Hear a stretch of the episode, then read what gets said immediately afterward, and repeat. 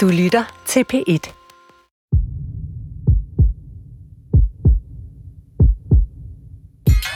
Omtrent 98 procent af jer lyttere vil synes, at de følgende scenarier er fuldstændig naturlige dele af hverdagslivet. At smalltalke med en bekendt i møder i toget. At rydde op derhjemme. At stikke en hvid løgn for at slippe for at gå på arbejde eller lignende. Og så er der 2 procent, for hvem de samme scenarier kan være fuldstændig udmattende at gennemføre, hvis ikke helt umulige. Det er de 2% voksne og børn, der har autisme. Spørger man en af vores gæster i dag, så vil han ikke være sin autisme for uden.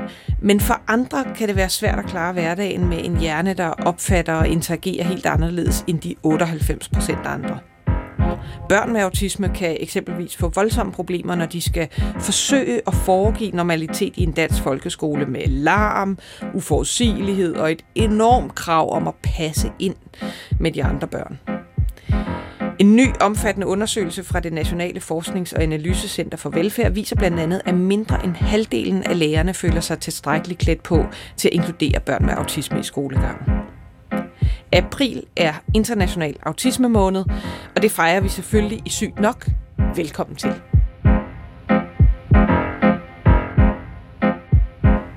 Christian, hvordan ser du verden?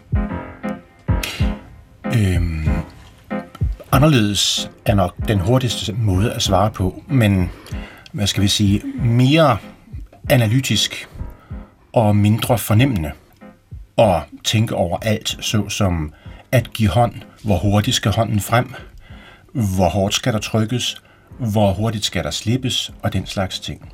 Meget godt øh, forklaret, hvordan øh, ja, sådan en, de der cirka 2% af befolkningen ja, skal, skal tænke over noget, som de 98% andre øh, overhovedet ikke tænker over, kan jeg øh, afsløre. Og med det må jeg hellere introducere dig og øh, dagens anden gæst. Vi har nemlig besøg af Christian Stuart Ferrer, privatpræsiderende psykolog og gæsteforsker ved Syddansk Universitet og selv på autismespektret, øh, og Mette Elmose, lektor ved Institut for Psykologi, øh, også på Syddansk Universitet. Øh, og grunden til, at jeg hoppede direkte ud i et spørgsmål, øh, i stedet for sådan at, at chit-chatte øh, indledende, var altså for at prøve at imødekomme en af de ting, som nogle gange clasher øh, med autister og resten af verden.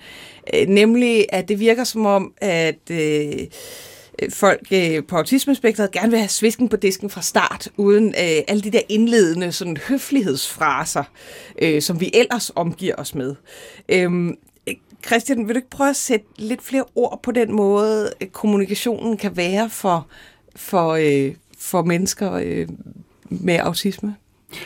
Jo, altså det naturlige er simpelthen, at man, om man så må sige, er i meget bedre udtryk faglig.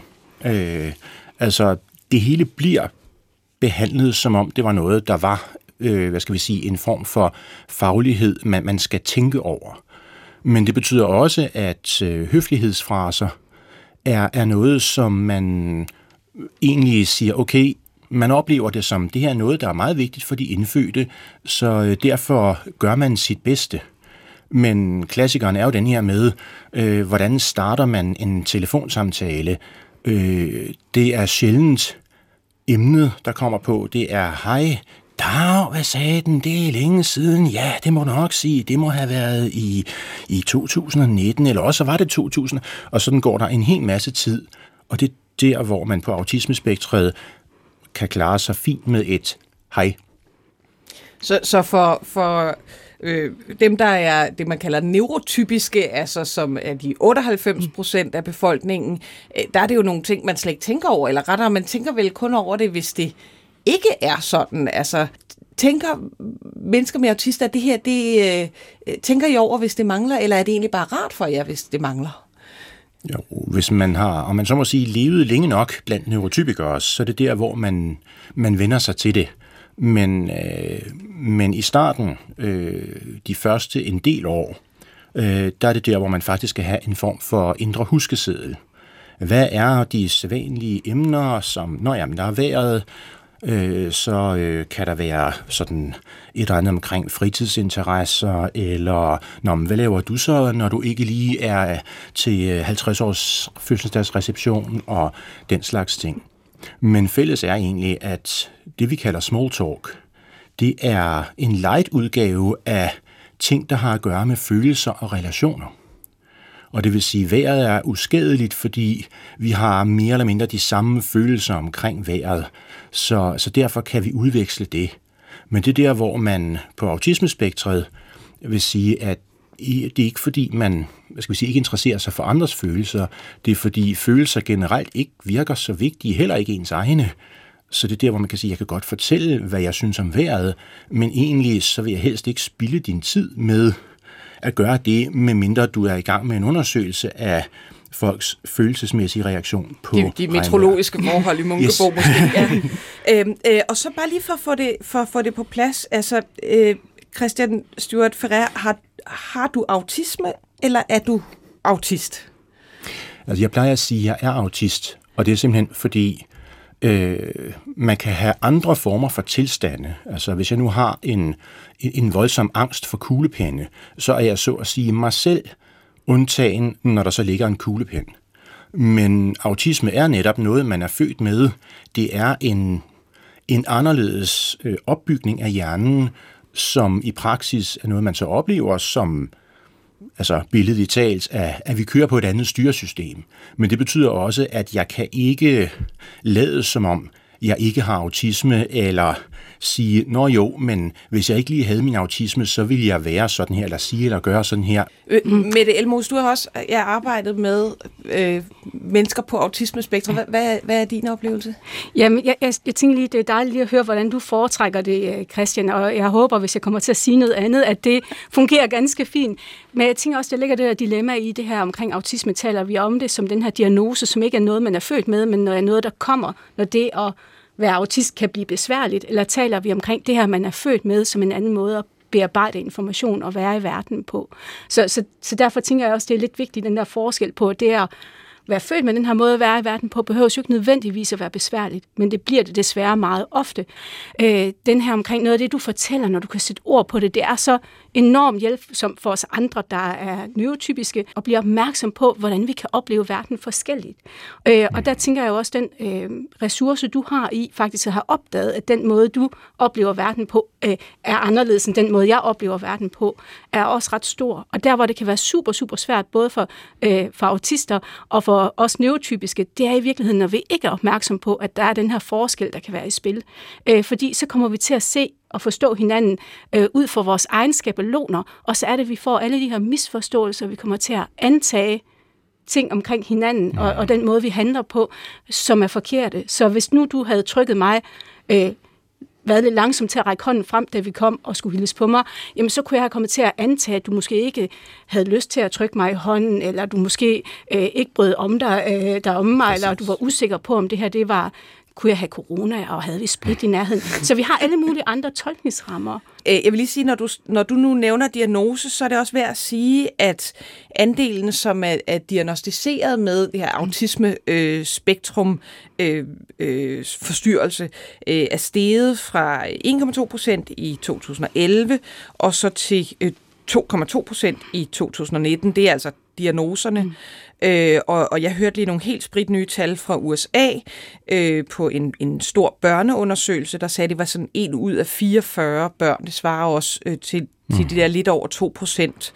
Og, og det er jo sådan en ret stor stigning, mm. men det har også noget at gøre med, at, at diagnosen er blevet udvidet. Ja, Øh, vi har jo udvidet øh, diagnosekriterierne dengang, hvor vi begyndte at bruge det nye diagnosesystem dengang i øh, 1994, hvor man blandt andet fik Aspergers syndrom-diagnosen med dengang. Så der gik man egentlig for at se på sådan en lidt mere snæver gruppe, som ofte var kendetegnet ved, at man måske også havde andre udviklingsforstyrrelser samtidig. Så man egentlig udvidede og sagde, nu tager vi også folk, der øh, måske også øh, intellektuelt øh, ligger inden for normalområdet, og i højere grad får øje på alle de her nuancer i, hvordan kan autisme også se ud.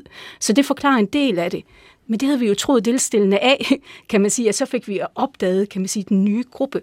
Men det stiger stadigvæk tallene. Der er ligesom noget, der tyder på, at det ikke umiddelbart øh, øh, stillende af den her stigning, der ligger i det. Øh, og hvor jeg også tænker, at en ting er at kigge på, hvad, hvad er det for øh, nogle mennesker, vi får øje på med de her diagnosesystemer. Noget andet er også, er der måske noget, der også gør, at det er sværere at leve med de her kar- karakteristika, altså leve med den type hjerne i dag, end det måske også var for længere tid siden. Mm. Mm. Det skal vi nok øh, vende tilbage mm. til. Men en af grundene til, at vi tager øh, autisme op, udover det altså er international autisme måned, er jo også, at Rigsrevisionen lige har rettet kritik af, af handicapområdet.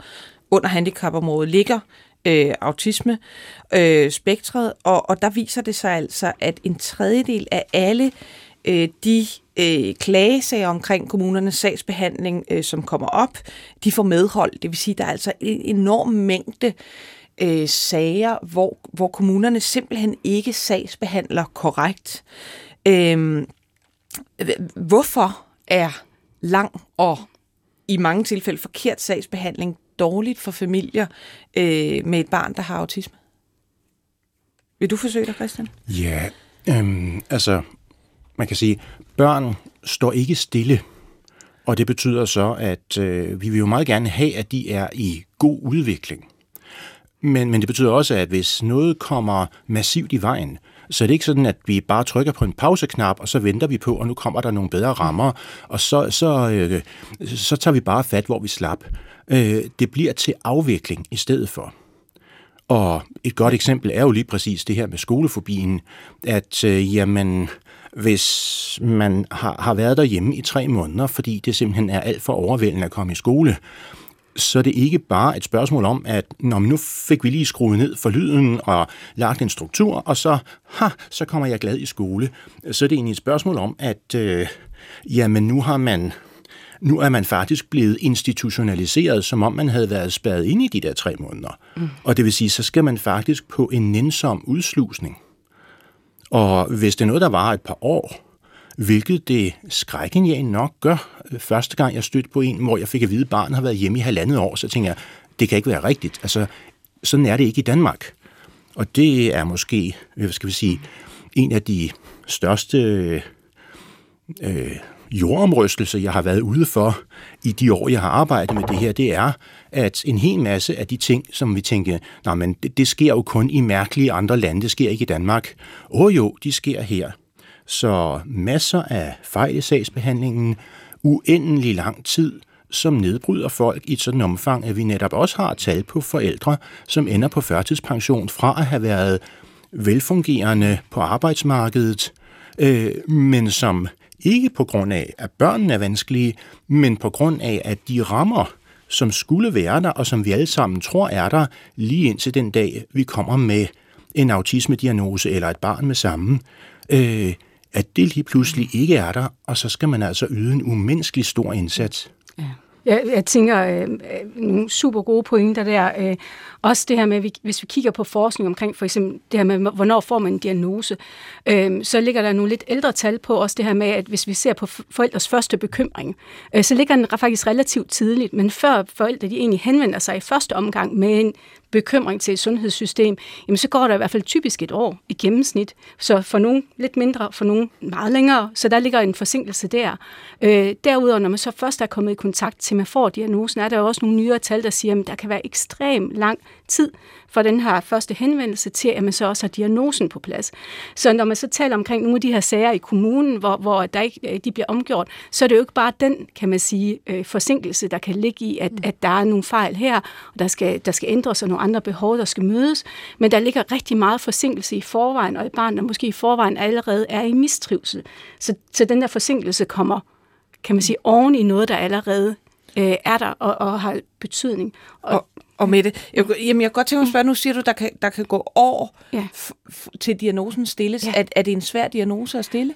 Øh, det kan være en svær diagnose at stille, men, men, men ofte er det ikke. Jeg vil også sige, at vi har fået øh, igennem den her tid, hvor, hvor, øh, hvor, hvor diagnosesystemet har ændret sig, der har vi også fået nogle redskaber, der faktisk hjælper os til, at vi, at vi mere pålideligt og hurtigere kan komme ind og vurdere, om er det her autisme eller ej, selv der, hvor det måske er lidt sværere sager, altså hvor det kan være lidt sværere præcis at stille diagnosen hurtigt. Så nej, det er det ikke. Hvad er det for nogle ting, man kigger efter, når man skal, når man skal stille diagnosen autismespektrum? Øh, hvad skal vi sige? Det er anderledeshed i måden at spille sammen på. Og nogle gange er den dejligt synlig i retning af, at for en dels vedkommende, der er øjenkontakt, det er, det er der ikke så meget af. Den kan da være svær. Øh, stemmen kan være sådan lidt mere monoton. Der er ikke så meget liv i ansigtet, som hos gennemsnitsdanskeren og så fremdeles.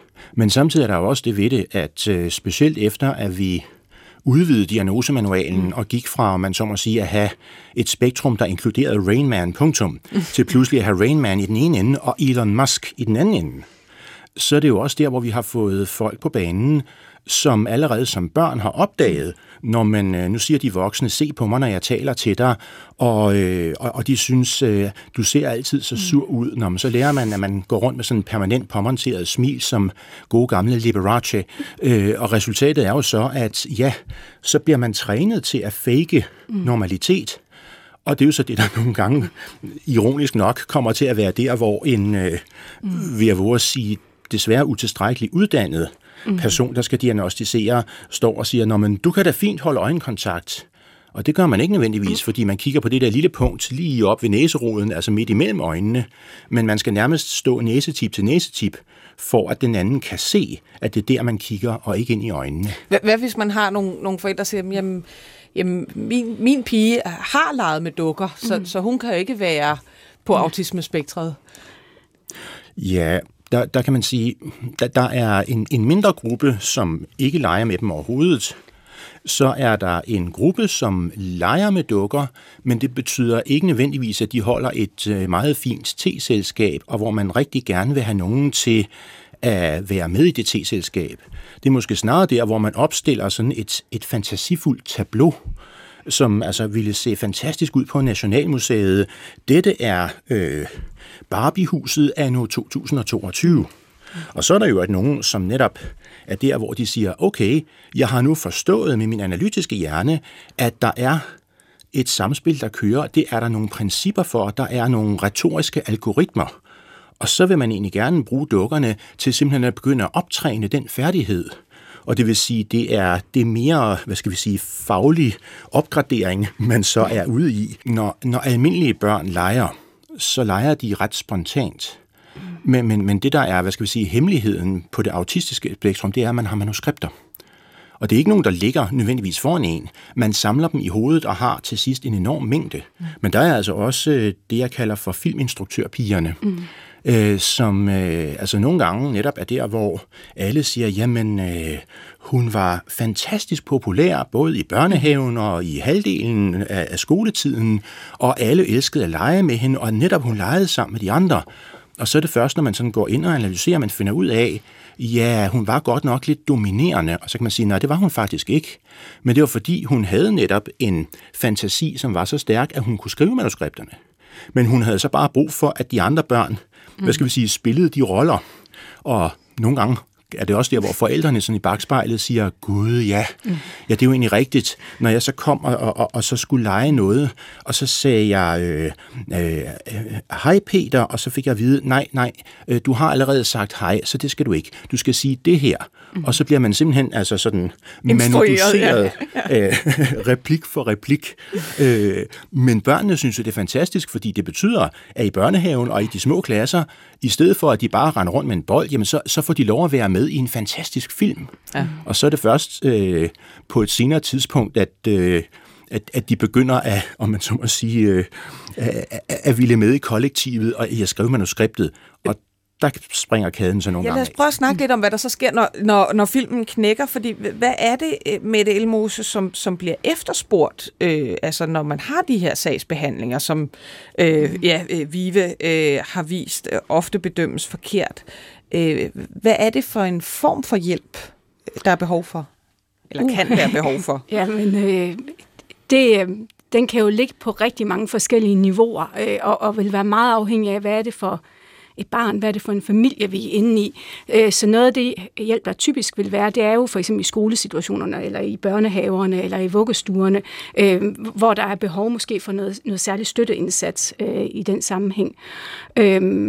Så, så der kan ligge noget, men det kan også være hjemme i familien, i forhold til måske få nogle, af, altså nogle aflastningstimer, fordi der er jo også andre børn i familien, og det kan måske være svært at, at få hørt, hvad er det søster eller bror har lavet, når det er, at man måske hele tiden skal understøtte og prøve at hjælpe øh, sin bil og dreng med autisme til at, at kunne fungere godt ind i de her lidt komplekse sammenhænge og få lige det til at balancere. Så der kan det være super godt at få den der øh, måske støtte eller hjælp, også som at der er luft til de andre børn. Øhm, nogle forældre de får øh, eftersøger også nogle gange den her tabt arbejdskom, altså øh, kompensation for tabt øh, arbejdstid, fordi de så måske også har brug for at lægge noget mere tid ind i familien, eller i forhold til at understøtte barnet ind i øh, institutionerne. Så det kan være meget forskellige, øh, den her type. Det kan også være mulighed for at komme på kurser og uddannelser, eller at øh, mulighed for, at barnet måske kan komme i nogle selvforståelsesgrupper. Eller, så, så der er sådan en, en, en stor palette af ting, der kan være hjælpsomt. Mm. Du lytter til Sygt Nok. Vi snakker i dag om autisme-spektrumforstyrrelse.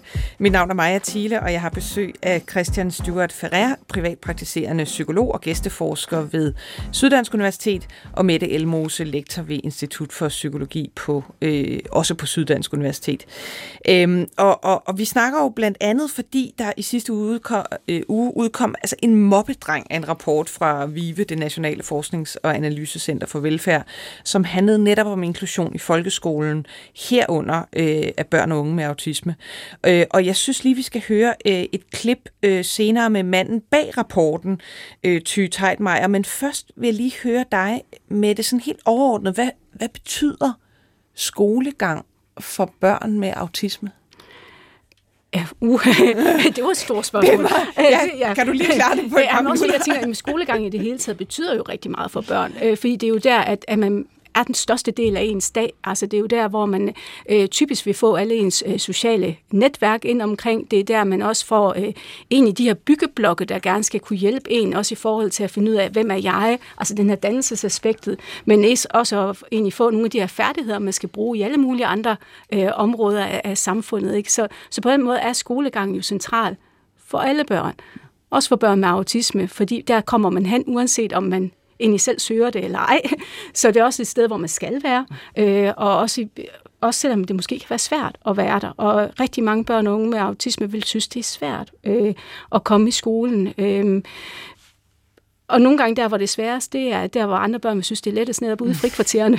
Øh, hvorimod man kan sige, hvis man sidder ved sit bord og får en opgave, som Christian har været inde på tidligere, for at vide, at det er det her, der egentlig forventes af dig, og det er den her måde, du løser det på, jamen så er der egentlig mange, hvor det vil være uproblematisk, den del af det, men alle de her steder, hvor det bliver lidt relativt, gruppearbejde, fremlæggelser og frikvarterer. Ja, men, men, men Christian Styrt Ferrer, er, det, er, det, er der sådan en udbredt misforståelse om, at øh, autistiske børn ikke øh, vil det sociale?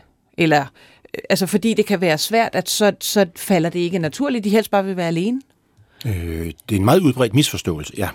Og, og det er jo selvfølgelig også der, hvor man nogle gange går galt i byen, fordi hvis man, hvis man kører på den misforståelse, så er det jo også der, hvor man så siger, nå, men så kan du ikke have autisme, hvis du faktisk gerne vil have en ven eller noget i den stil. Og så kan man så sige, jo jo, øh, altså alt tyder på, at man er faktisk lige så socialt orienteret, når man er på autismespektret, som når man ikke er på autismespektret.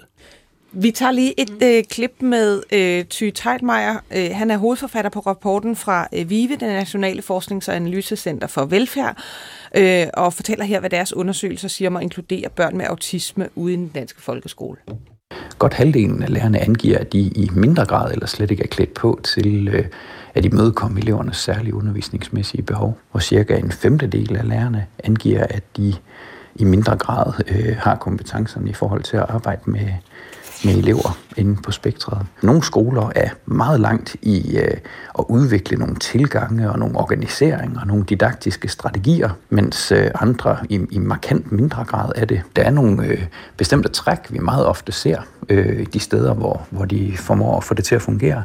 Det handler blandt andet om at arbejde med øh, klar struktur og ofte også noget visuel støtte, Øh, det handler også meget ofte om at forberede skift og overgange undervejs i skoledagen, og dermed øh, at håndtere øh, øh, usikkerhed i, i forbindelse med det. Så handler det også om at kunne øh, arbejde med optræk til konflikter, uden at det eskalerer. Mange steder så kalder man det for sådan en, en low arousal tilgang. Og i forhold til det faglige indhold, så handler det ofte om at bruge øh, særinteresser hos eleverne som en form for brændstof, der simpelthen kan motivere eleverne til at, at deltage i den faglige undervisning, hvis man formår at få det vinklet hen og tage afsæt i eller inddrage nogle af elevernes øh, særlige interesser. Ikke også?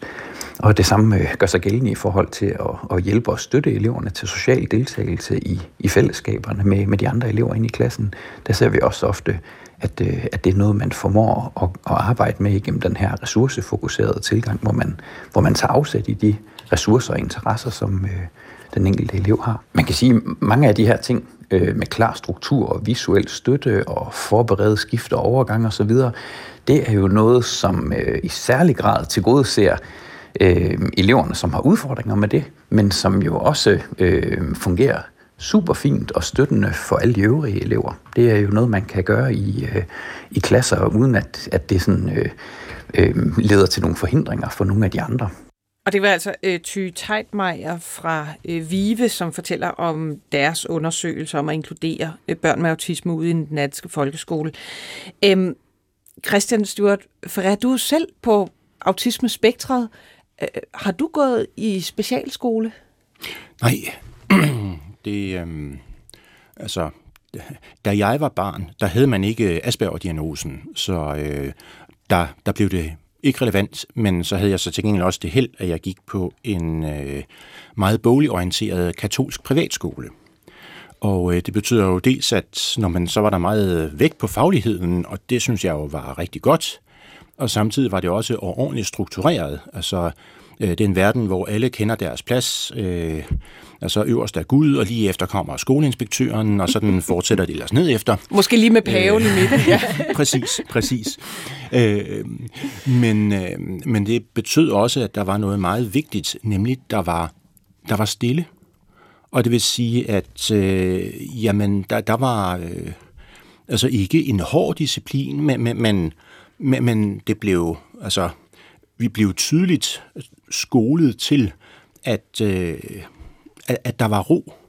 Og det er faktisk en af de ting, som jeg kan høre på de børn, jeg får ind ad døren i min praksis, det er, at øh, jamen, nogle gange så gør skolerne faktisk en del med at prøve at strukturere og hjælpe og støtte, og okay, men så, så øh, renoncerer vi lidt på de der idrætstimer, fordi det er meget kaotisk.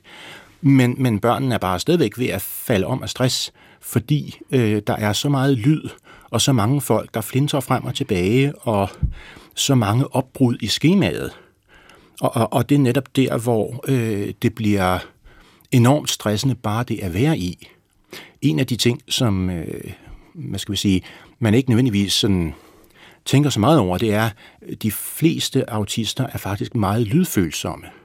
Og det er ikke fordi, man har en usædvanlig skarp hørelse, det er bare fordi, man ikke har noget filter. Og det betyder også, at hvis man sidder som voksen på en café sammen med fem venner, så er der jo som regel mindst to samtaler i gang ad gangen. Og det er der, hvor man som autist faktisk er nødt til at sidde og halvvejs mundaflæse sin samtalepartner. Ikke fordi man ikke kan høre, men fordi så kan man se læberne bevæge sig, og så kan man, når man så må sige, matche dem til det lydspor, der er den samtale, jeg er med i, om man så må sige. Men det er jo sådan, på en eller anden måde strider det jo også lidt mod et grundprincip, som har været længe, altså inklusion i den mm. danske folkeskole. Der skal være plads til alle. Det, det er der vel ikke noget galt ved? Nej, jeg, jeg tænker, inklusion er jo en, altså tanken i inklusion er jo super, super god. Det er med, at vi gerne vil sørge for, at alle er en del af de fællesskaber, vi har. Øh, jeg tænker bare, at nogle af dem, der har måske valgt den her fejlslutning, jeg tænker, at det betyder, at vi nødvendigvis alle sammen skal være det samme sted, øh, og at det leder til inklusion i sig selv. Øh, jeg tænker, øh, at, at der bliver vi jo nødt til at se på, hvad det der skal til, for at man føler sig som en del af et fællesskab, og det gør man ikke nødvendigvis bare, fordi man står i den samme skolegård.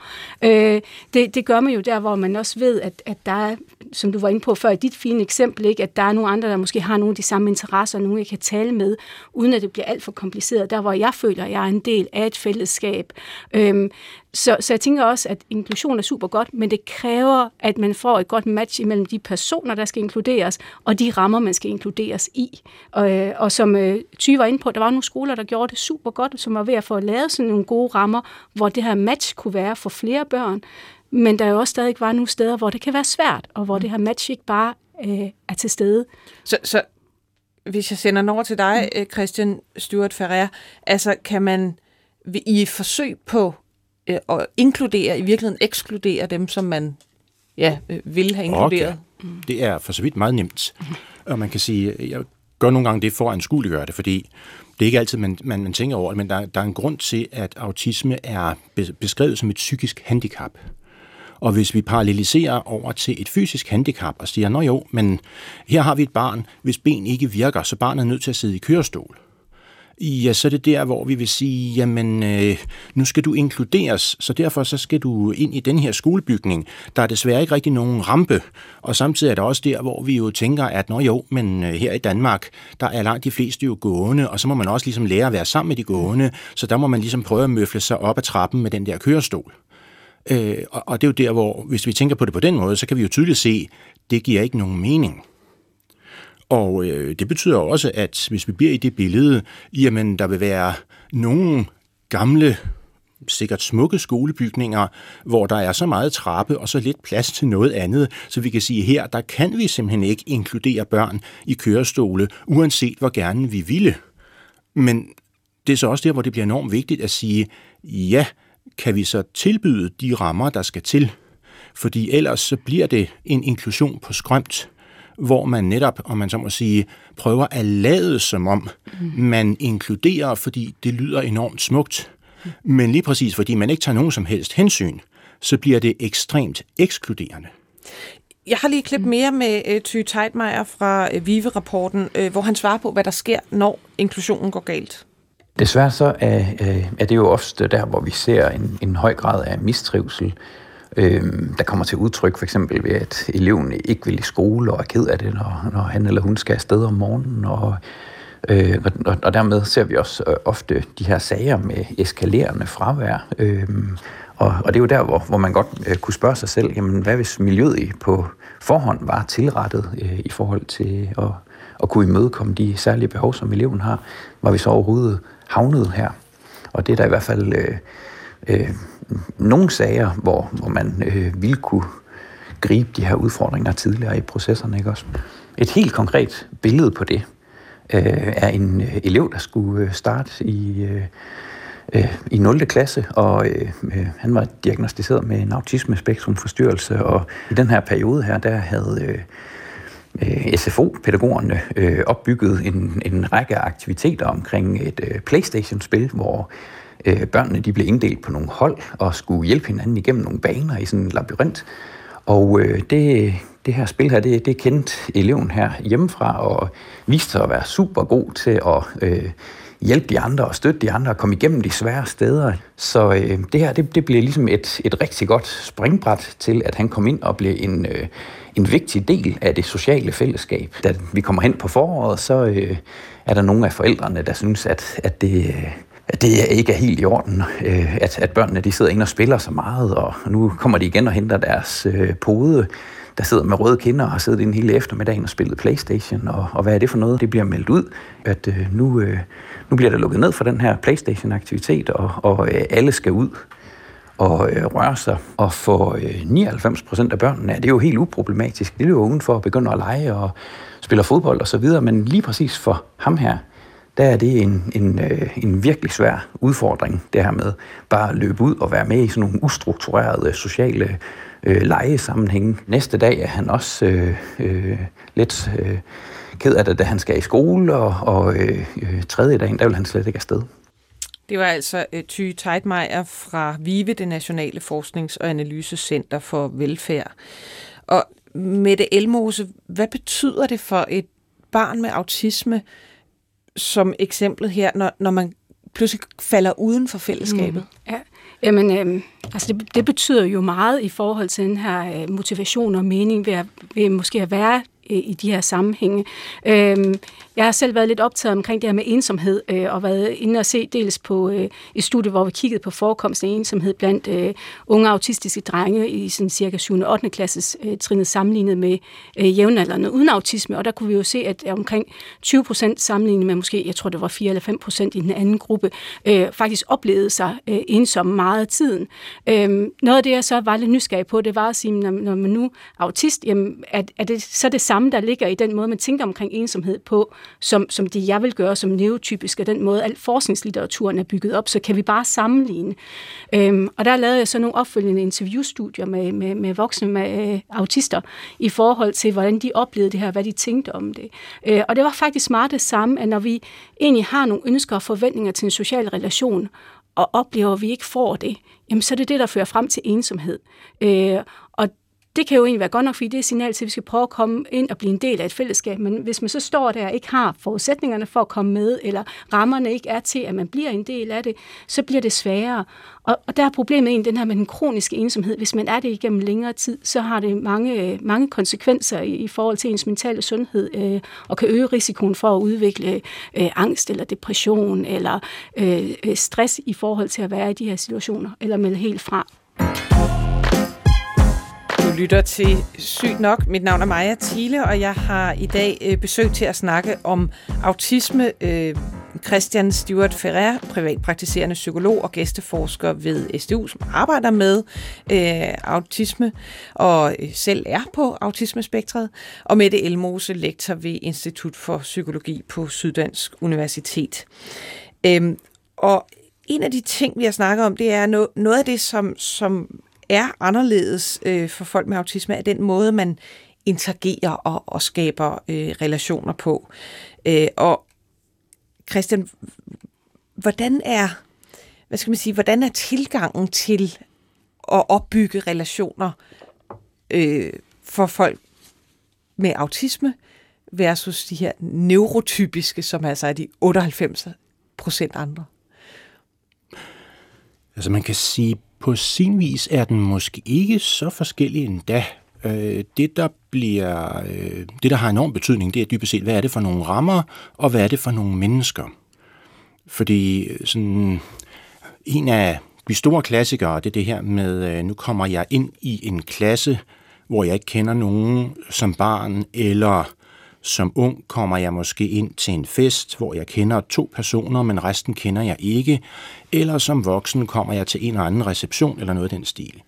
Og det er der, hvor almindelige mennesker har, om man så må sige, en indbygget radar, som betyder, at de egentlig fornemmer sig vej ind i det.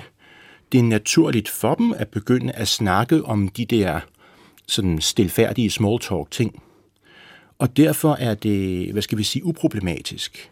Hvis man skal ind i den type setting som autist, så er det der, hvor man bruger hele sin analytiske styrke på at prøve at finde ud af, okay, hvor kan jeg muligvis passe ind? Er der nogle samtaler her, der lader til at passe mere til, til hvad, hvad jeg sådan kan indgå i af samtaler?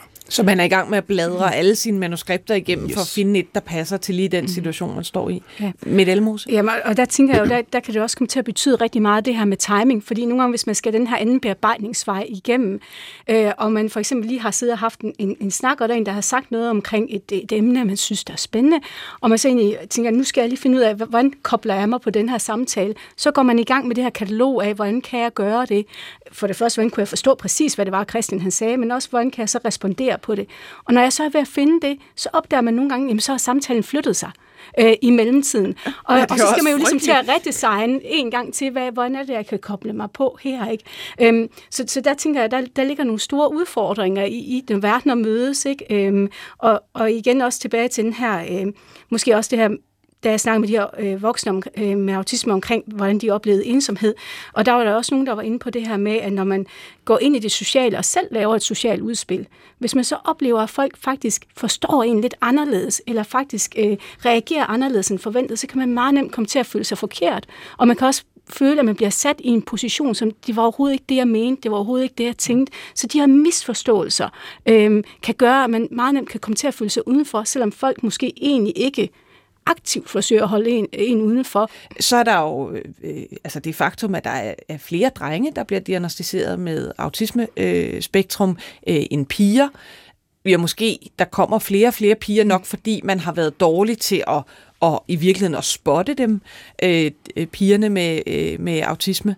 Øh, men er det også, altså hvis man sammenligner drenge og piger i, øh, inden for autismespektret, er der også en forskel på, hvordan de interagerer? Oh ja.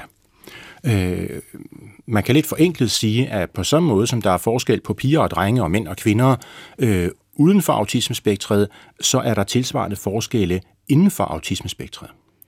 Og øh, vi kan også se det på øh, altså de stærke interesser, at øh, altså, der vil være en tilbøjelighed til, at de måske er sådan lidt mere, hvad skal vi sige, firkantede naturvidenskabeligt tekniske hos drengene, og er noget, der måske mere kan rette sig til for eksempel noget med dyr eller litteratur øh, hos pigerne. Og når det så er sagt, så er det jo samtidig også der, hvor vi må sige, at ja, øh, og så skal vi passe på med ikke at trække nogen normative hatte mm. ned, fordi ligesom... Øh, hvad skal vi sige, det er, at man er blevet født med et biologisk mm. køn i det ikke-autistiske verden, øh, det er ikke nødvendigvis noget, der, der, der, der siger så meget, som man kunne tro. Og det samme gælder jo i endnu højere grad inden for autismespektret. Er der også noget med, at når autistiske øh, piger og, og kvinder bedre er, eller er bedre til at passe ind i det, i det normative? Altså tilpasser de sig simpelthen bedre? der er begyndt at komme noget mere forskning omkring det her med, med hvordan ser det ud for, for kvinder med autisme. Øh, og heldigvis øh, deltager de oftere i forskningsstudierne, end mændene gør relativt set i forhold til, hvem der har diagnosen. Øh, og nogle af de studier har prøvet at kigge på, hvad kendetegner så de her kvinder eller piger, der har fået autisme-diagnosen. Jamen, så ser det faktisk ud som om, at de oftere går ind og laver noget af det her maskering eller kompensering, altså noget af det, du er lidt inde på, at, at man måske i højere grad får afkodet de her sociale relationer, og hvordan man navigerer i det, så man kan virke mere upåfaldende. Noget af ulempen er så også, at det, det måske kan forklare de højere forekomster, vi blandt andet ser blandt kvinder i forhold til angst og depression, også på autismeområdet, og også i forhold til risiko for selvmord. Øh, fordi hvis ikke man er meget bevidst omkring, at man kompenserer, og hvorfor man kompenserer, og om man vil det, så kan der være den her risiko for at måske at miste hvem er jeg fornemmelsen i det? Altså kan jeg også have lov at være en del af de her sociale relationer, eller er det bare min maske, der er det? Øh, som, som jo kan gøre os den her både følelse af ensomhed, men også påvirke ens identitetsfølelse. Øh, men, men også det her med, at det kan kræve rigtig meget energi at skulle kompensere hele tiden. Mm. Øh, så man er egentlig på konstant overarbejde, og hvis ikke man har en forståelse for det, jamen så risikerer man også, når, man, når det først bliver svært, så bliver det virkelig svært. Og som du var inde på, øh, Christian, med det her med skoleværing og skulle komme tilbage igen, det vil også være det samme, når det så først har været rigtig svært så vil det måske også være svært at komme tilbage igen. Så hvad kan man gøre øh, for de her øh, mennesker? Jamen, jamen jeg tænker, det er i hvert fald øh, meget vigtigt for os at få den her øh, opmærksomhed på, hvad det er, det kan betyde, hvis vi faktisk ved, at der er en autisme-diagnose. Den anden er også, at hvis vi har den her udredning, vi talte om tidligere, vi får en voksen person ind, der måske har haft et øh, øh, overbelastning, altså stressoverbelastning, øh, eller svær depression, eller svær angst, og det kan være svært at komme på banen igen, at vi måske også kan være nysgerrige på, kan der måske ligge sådan en anderledes øh, profil bagved. Mm. Øhm, så det tænker jeg i hvert fald helt klart er noget af det, man, man, man kan gøre. Øh, og så måske også øh, en hjælp med at arbejde med den her selvforståelse af, hvornår er det her faktisk hjælpsomt, og hvornår skal jeg koble fra. Nu har vi jo øh, simpelthen øh, en gæst, som kan fortælle det, øh, Christian Stuart Ferrer, dig helt personen, hvordan lader du op? Øh, I vidt omfang vil jeg næsten sige i en rum. Øh, og det betyder, at øh, jeg har en familie, men, men det er også der, hvor øh, man er nødt til netop, øh, altså som Mette siger, at have, øh, at have åbenhed øh, og også erkendelse, både selverkendelse, men også andre erkendelse. Fordi det er det der, hvor man kan sige, men det er ikke fordi, jeg ikke elsker min kone og mine børn, men, men, men det er fordi øh, lige præcis, selv når det er nogen, man elsker og altså, har så nært et forhold, som også autister har til deres nære familie, men, men det er stadigvæk et spørgsmål om, et eller andet sted er man på. Og det betyder, at der vil være, altså i mit tilfælde, netop, øh, ja, altså hvad, nogle gange, hvis jeg har haft sådan et par dage i julen, hvor, jamen, øh, så har min kone og børnene været oppe og besøge nogen osv., jamen, så sidder Christian derhjemme og binger forskningsartikler, fordi det er det, jeg synes, det er sjovt. Så, så jeg har sådan det der med, at jeg sidder og egentlig lader min hjerne finde de oplysninger, som den har brug for lige nu, fordi det lader den op ved. Og så har jeg i mange år dyrket japansk kampkunst, som jo udmærker sig ved at være enormt struktureret, og det vil sige, at der går man ind, og der ved man også præcis, hvad forventes her. Og det betyder, at jamen, det her er også noget, hvor jeg lader op men hvor man kan sige, ja, og, og, og det er ikke fordi, jeg har valgt forskningsartiklerne, eller jeg har valgt kampkunsten. Det er simpelthen et spørgsmål om, at at det er der, hvor man er lidt på spanden som autist, fordi man er nødt til at vente, til hjernen finder det, den klikker ved. Mm. Så, så øh, hvis man skulle sådan lyde meget spirituelt, så kan man sige, at det er egentlig mere et spørgsmål om, at mine interesser har valgt mig end mm. omvendt. Mm. Og, og, det er også, og hvordan, ja. Ja, hvordan er det anderledes end Jamen, øh, Mette eller jeg, der mm. kommer hjem og siger, oh, nu har vi bare haft en lang øh, arbejdsdag, og øh, ligger os på sofaen foran fjernerhold, for eksempel. Jeg vil sige, det, det er for så vidt ikke så anderledes. Øh, øh, forskellen er, at det er, hvad skal vi sige, dels er det lidt nemmere, når man er neurotypiker, der kan man lidt bedre mingelere med Øh, altså ikke altid selvfølgelig, men, men okay, ah, jeg, jeg venter lige lidt og så videre. Men det er også fordi... En jeg de, udskyder min pause lidt. Ja, præcis. Mm. Men, men det er også fordi, man har den fordel, at det ikke kun er andre, man fornemmer som neurotypiker, det er faktisk også sig selv.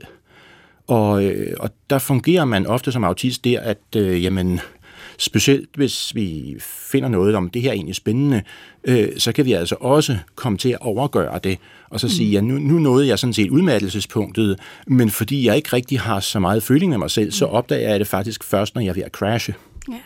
Ja, den ting, det er en super, super vigtig point. Jeg er rigtig glad for, at du siger den, for det, det er jo noget af det, vi kan se, at hvis ikke man har den her fornemmelse af de her kropslige signaler, eller de følelsesmæssige signaler på, hvornår noget faktisk er svært, hvornår noget går over min grænse, hvornår jeg har brugt mine depoter, jamen så risikerer man at havne i de her situationer, hvor det bliver alt for meget, og det første, når andre kan se, at det bliver for meget, at man så måske får sin pause, øh, og så er der længere vej op igen. Så den her selvindsigt med, og, og, og det tror jeg, det er noget, vi kan hjælpe med som fagpersoner omkring mennesker med autisme, at sætte meget mere fokus på, at man meget tidligt begynder at hjælpe til at sige, hvad, hvad, er det for nogle signaler, du skal kigge efter? Det kan godt være, at du kan mærke med kroppen, men er det så nogle bestemte ting, man begynder at sige, eller nogle bestemte ting, øh, steder, man begynder at gå hen, man skal holde øje med? Er der andre, der kan hjælpe en til at give en et signal, før det går alt for galt? Øh, og også, hvad er det egentlig, der hjælper mig til at slappe af? For nu har du fået selvindsigten i, at det her det er den måde, du kan gøre det på, så du kan også bedre sige til familien, det har jeg brug for, og det er nødvendigt på grund af de års erfaringer, du har med det. Der er rigtig mange mennesker med autisme, der ikke har den viden endnu. Øh, så, så, så ja, det kan være, at man er heldig at havne på sofaen og blive lavet op, men det kan også godt være, at man bare havner et andet sted, der kræver mere energi af en. Så det er også det. Du lytter til Sygt nok. Mit navn er Maja Thiele, og med mig i studiet er Christian Stuart Ferrer, privatpraktiserende psykolog og gæsteforsker ved Syddansk Universitet, og Mette Elmose, lektor ved Institut for Psykologi, også Syddansk øh, Universitet. Og vi har øh, snakket om autisme, autismespektret, øh, øh, og, og øh, hvad det betyder for den enkelte. Øh, her til sidst kunne jeg egentlig godt tænke mig at høre jeres input om, altså der der er sket noget omkring diagnoserne, øh, som er blevet bredt, bredt noget ud. Man finder flere med øh, autisme. Der er nogle oplagte hvad skal vi sige, sorte huller i, i sagsbehandling og tilbudene, men, men hvordan kommer det til at gå jamen om, om 5-10 år øh, med øh, ja, for danske voksne og børn øh, inden for autismespektret? Jeg har sådan to veje, som jeg tænker er, er de mest sandsynlige. Altså den, jeg håber meget på, er at jamen, det er egentlig ikke umuligt at indrette, så vi faktisk kan, kan få det her til at fungere. Og, og der ser vi jo netop også, at jamen, hvis rammerne fungerer, så kommer de her børn faktisk i langt de fleste tilfælde til at blomstre, til at kunne gå videre, tage en ungdomsuddannelse, de de efterhånden ved så meget om, hvor er jeg i forhold til resten, så de kan få tingene til at navigere, hvis, hvad skal vi sige, omverdenen også er imødekommende. Og det jeg jo frygter, det er netop, at øh, altså når vi nu ser på, hvor meget mistrivsel over hvor mange år, mm og nu kan vi også sige, at jamen nu har vi jo haft to socialministre fra to forskellige øh, fløje i regeringen, som har været meget søde og forstående, men det har egentlig ikke medført nogen ændringer. Og øh, det, som altid spøger i mit baghoved, det er, at for nogle år tilbage, der var der jo et debat om, hvordan vi bedst kunne skære ned og skære ned på området, hvor der var en dansk formand for Kommunernes Landsforening, som simpelthen ikke generede sig for at tale om gøgeunge-effekten. Og så tænkte jeg, det lød for mig som Tyskland 33-45, at vi betragter vores medmennesker som sådan nogen, der er blevet proppet ind som nogle fremmede, der er blevet puttet ind i reden, og som egentlig møver dem, der havde ret til at være der ud. Og øh, hvis den tankegang får mere luft under vingerne, så er det der, hvor jeg vil sige, så er jeg faktisk ret skeptisk over for, hvor meget fremtid autister overhovedet har, i Danmark i hvert fald. Uh, jeg tænker, jeg bliver nødt til at holde fast i dit første scenarie, Christian. Og, men jeg tænker, noget af det, der er rigtig, rigtig vigtigt for mig, og det er jo også, fordi jeg står her med, med, med forskerhatten på lige nu, det er, at, at vi har også brug for bedre viden, for i virkeligheden mm. også at kunne øh, holde øje med, hvordan går det, men også hvis ikke det går i den retning, vi gerne vil have, hvad er så de vigtigste knapper at få skruet på? Nu du siger øh, viden, øh, Mette, vi har lige øh, her til sidst øh, tid til nogle myter, synes jeg, fordi noget af det, man jo blandt andet kan gøre, det prøve at lue lidt ud i, hvad, hvad, er, hvad er fakta og hvad er, er fejl. Hvis jeg nu siger, øh, en myte er, at folk med autisme ikke kan sætte sig i andre sted. Hvad siger du, øh, Christian? Stuart Ferrer til det? Ja, altså, det er jo lidt interessant, fordi vi har jo vi lever i en spændende tid, hvor øh, hjerneforskningen er kommet så langt, så vi faktisk får som psykologer svar på nogle af de ting, vi om man så må sige, har gættet på de sidste øh, 100 år. Og, øh, og det er der, vi nu ved, at der faktisk er to systemer, som spiller sammen i det menneskelige sind. Det ene er der, hvor man mærker, hvordan andre har det. Det andet, det er der, hvor man tankemæssigt indlever sig i de andre mennesker. Og, og netop når vi som forældre altså siger til vores børn, hvis de gør noget, hvor vi tænker, det var ikke i orden, hvordan ville du have det, osv., jamen det er lige præcis den der tankemæssige indlevelse. Det er ikke noget problem for autister. Og vi har noget meget interessant forskning, som netop øh, altså har fået sat to streger under det her med, jamen har autister medfølelse? Og man kan sige, at det har de på nøjagtigt samme niveau som ikke-autister, bortset fra, at øh, når man laver det med voksne autister, så opdager man, at autister faktisk lærer til at blive lidt mere stressede, hvis man laver tankeeksperimenter, der handler om, om menneskelig forpinthed. Så, øh, så derfor må vi sige, ja, altså der er den myte, der hedder, jamen er autisterne sådan nogle gange kolde og uinteresserede i følelser, så kan man så sige, nej, altså de har hovedfokus på noget andet, med mindre der er, der er noget galt.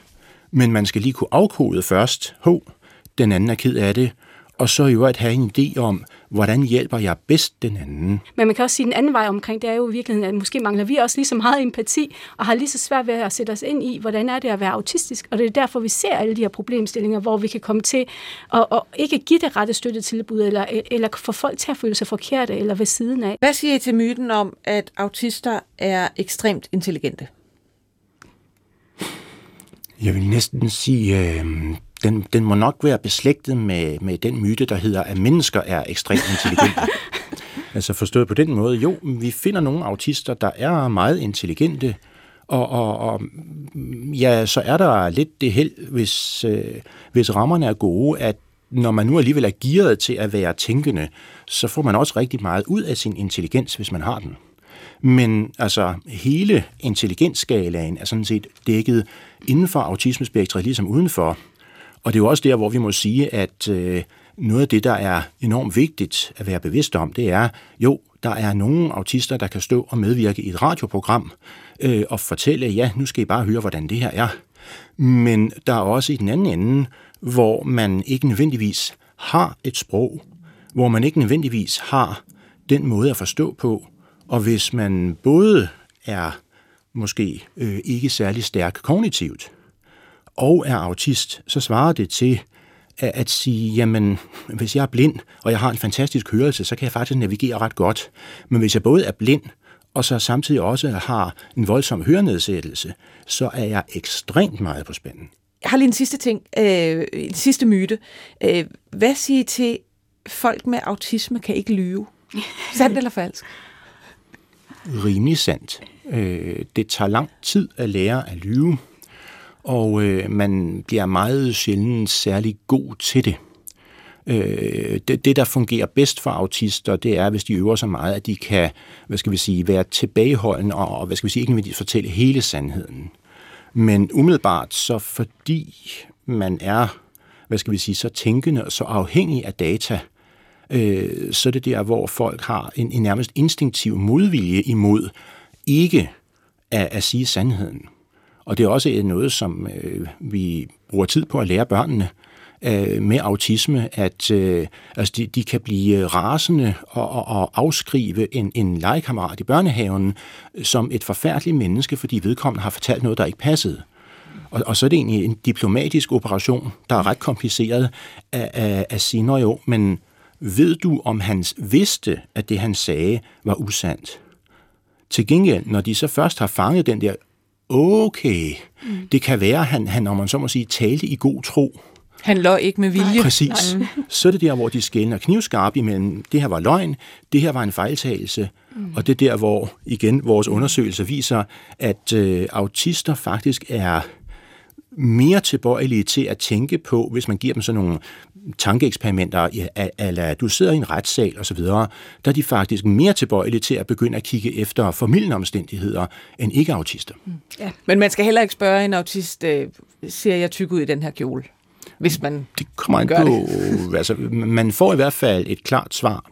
Og det er jo også det, der er lidt morsomt, det er, at øh, hvis man, som Mette netop har været inde på, det her men hvis vi har en åben kommunikation om også vi er forskellige, jamen så er det der, hvor vi ikke mindst ser det hos pigerne, at øh, jamen, den neurotypiske pige ved godt, at hvis hun gerne vil have at vide, ej, du ser bare fantastisk ud, så spørger hun en neurotypisk veninde. Men hvis hun siger, okay, det er altså rigtig vigtigt, fordi ham, ham fyren der, jeg, jeg, jeg er lidt lun på, kommer, så jeg har altså brug for et klart svar, der hedder, ser jeg godt ud den kjole? Nej. Mm. Okay, tak. jeg tænker lige en lille ekstra hab, eller en lille vending på det her, det er jo også det her med, jeg har i hvert fald lært, at man aldrig skal sige, at der er noget, autister ikke kan, fordi ligesom alle os andre, så er der jo et helt spektra af. Så selvfølgelig vil der også være nogen, som også kan lyve, bevidst, mm. øh, måske med en lidt anderledes kvalitet i det. Så, så vi skal også passe på ikke at gøre det så, kan man sige, sort-hvid med de her myter. Og det blev altså de sidste ord for dagens program om autisme.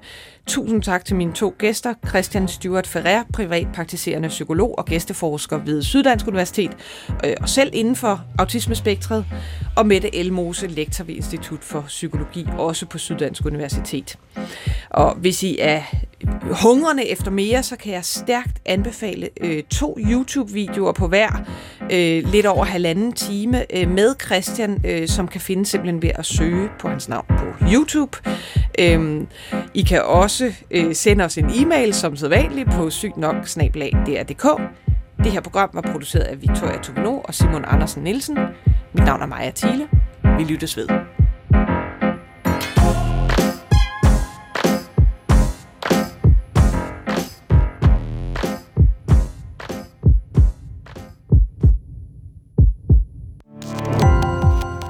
Gå på opdagelse i alle DR's podcast og radioprogrammer. I appen DR Lyd.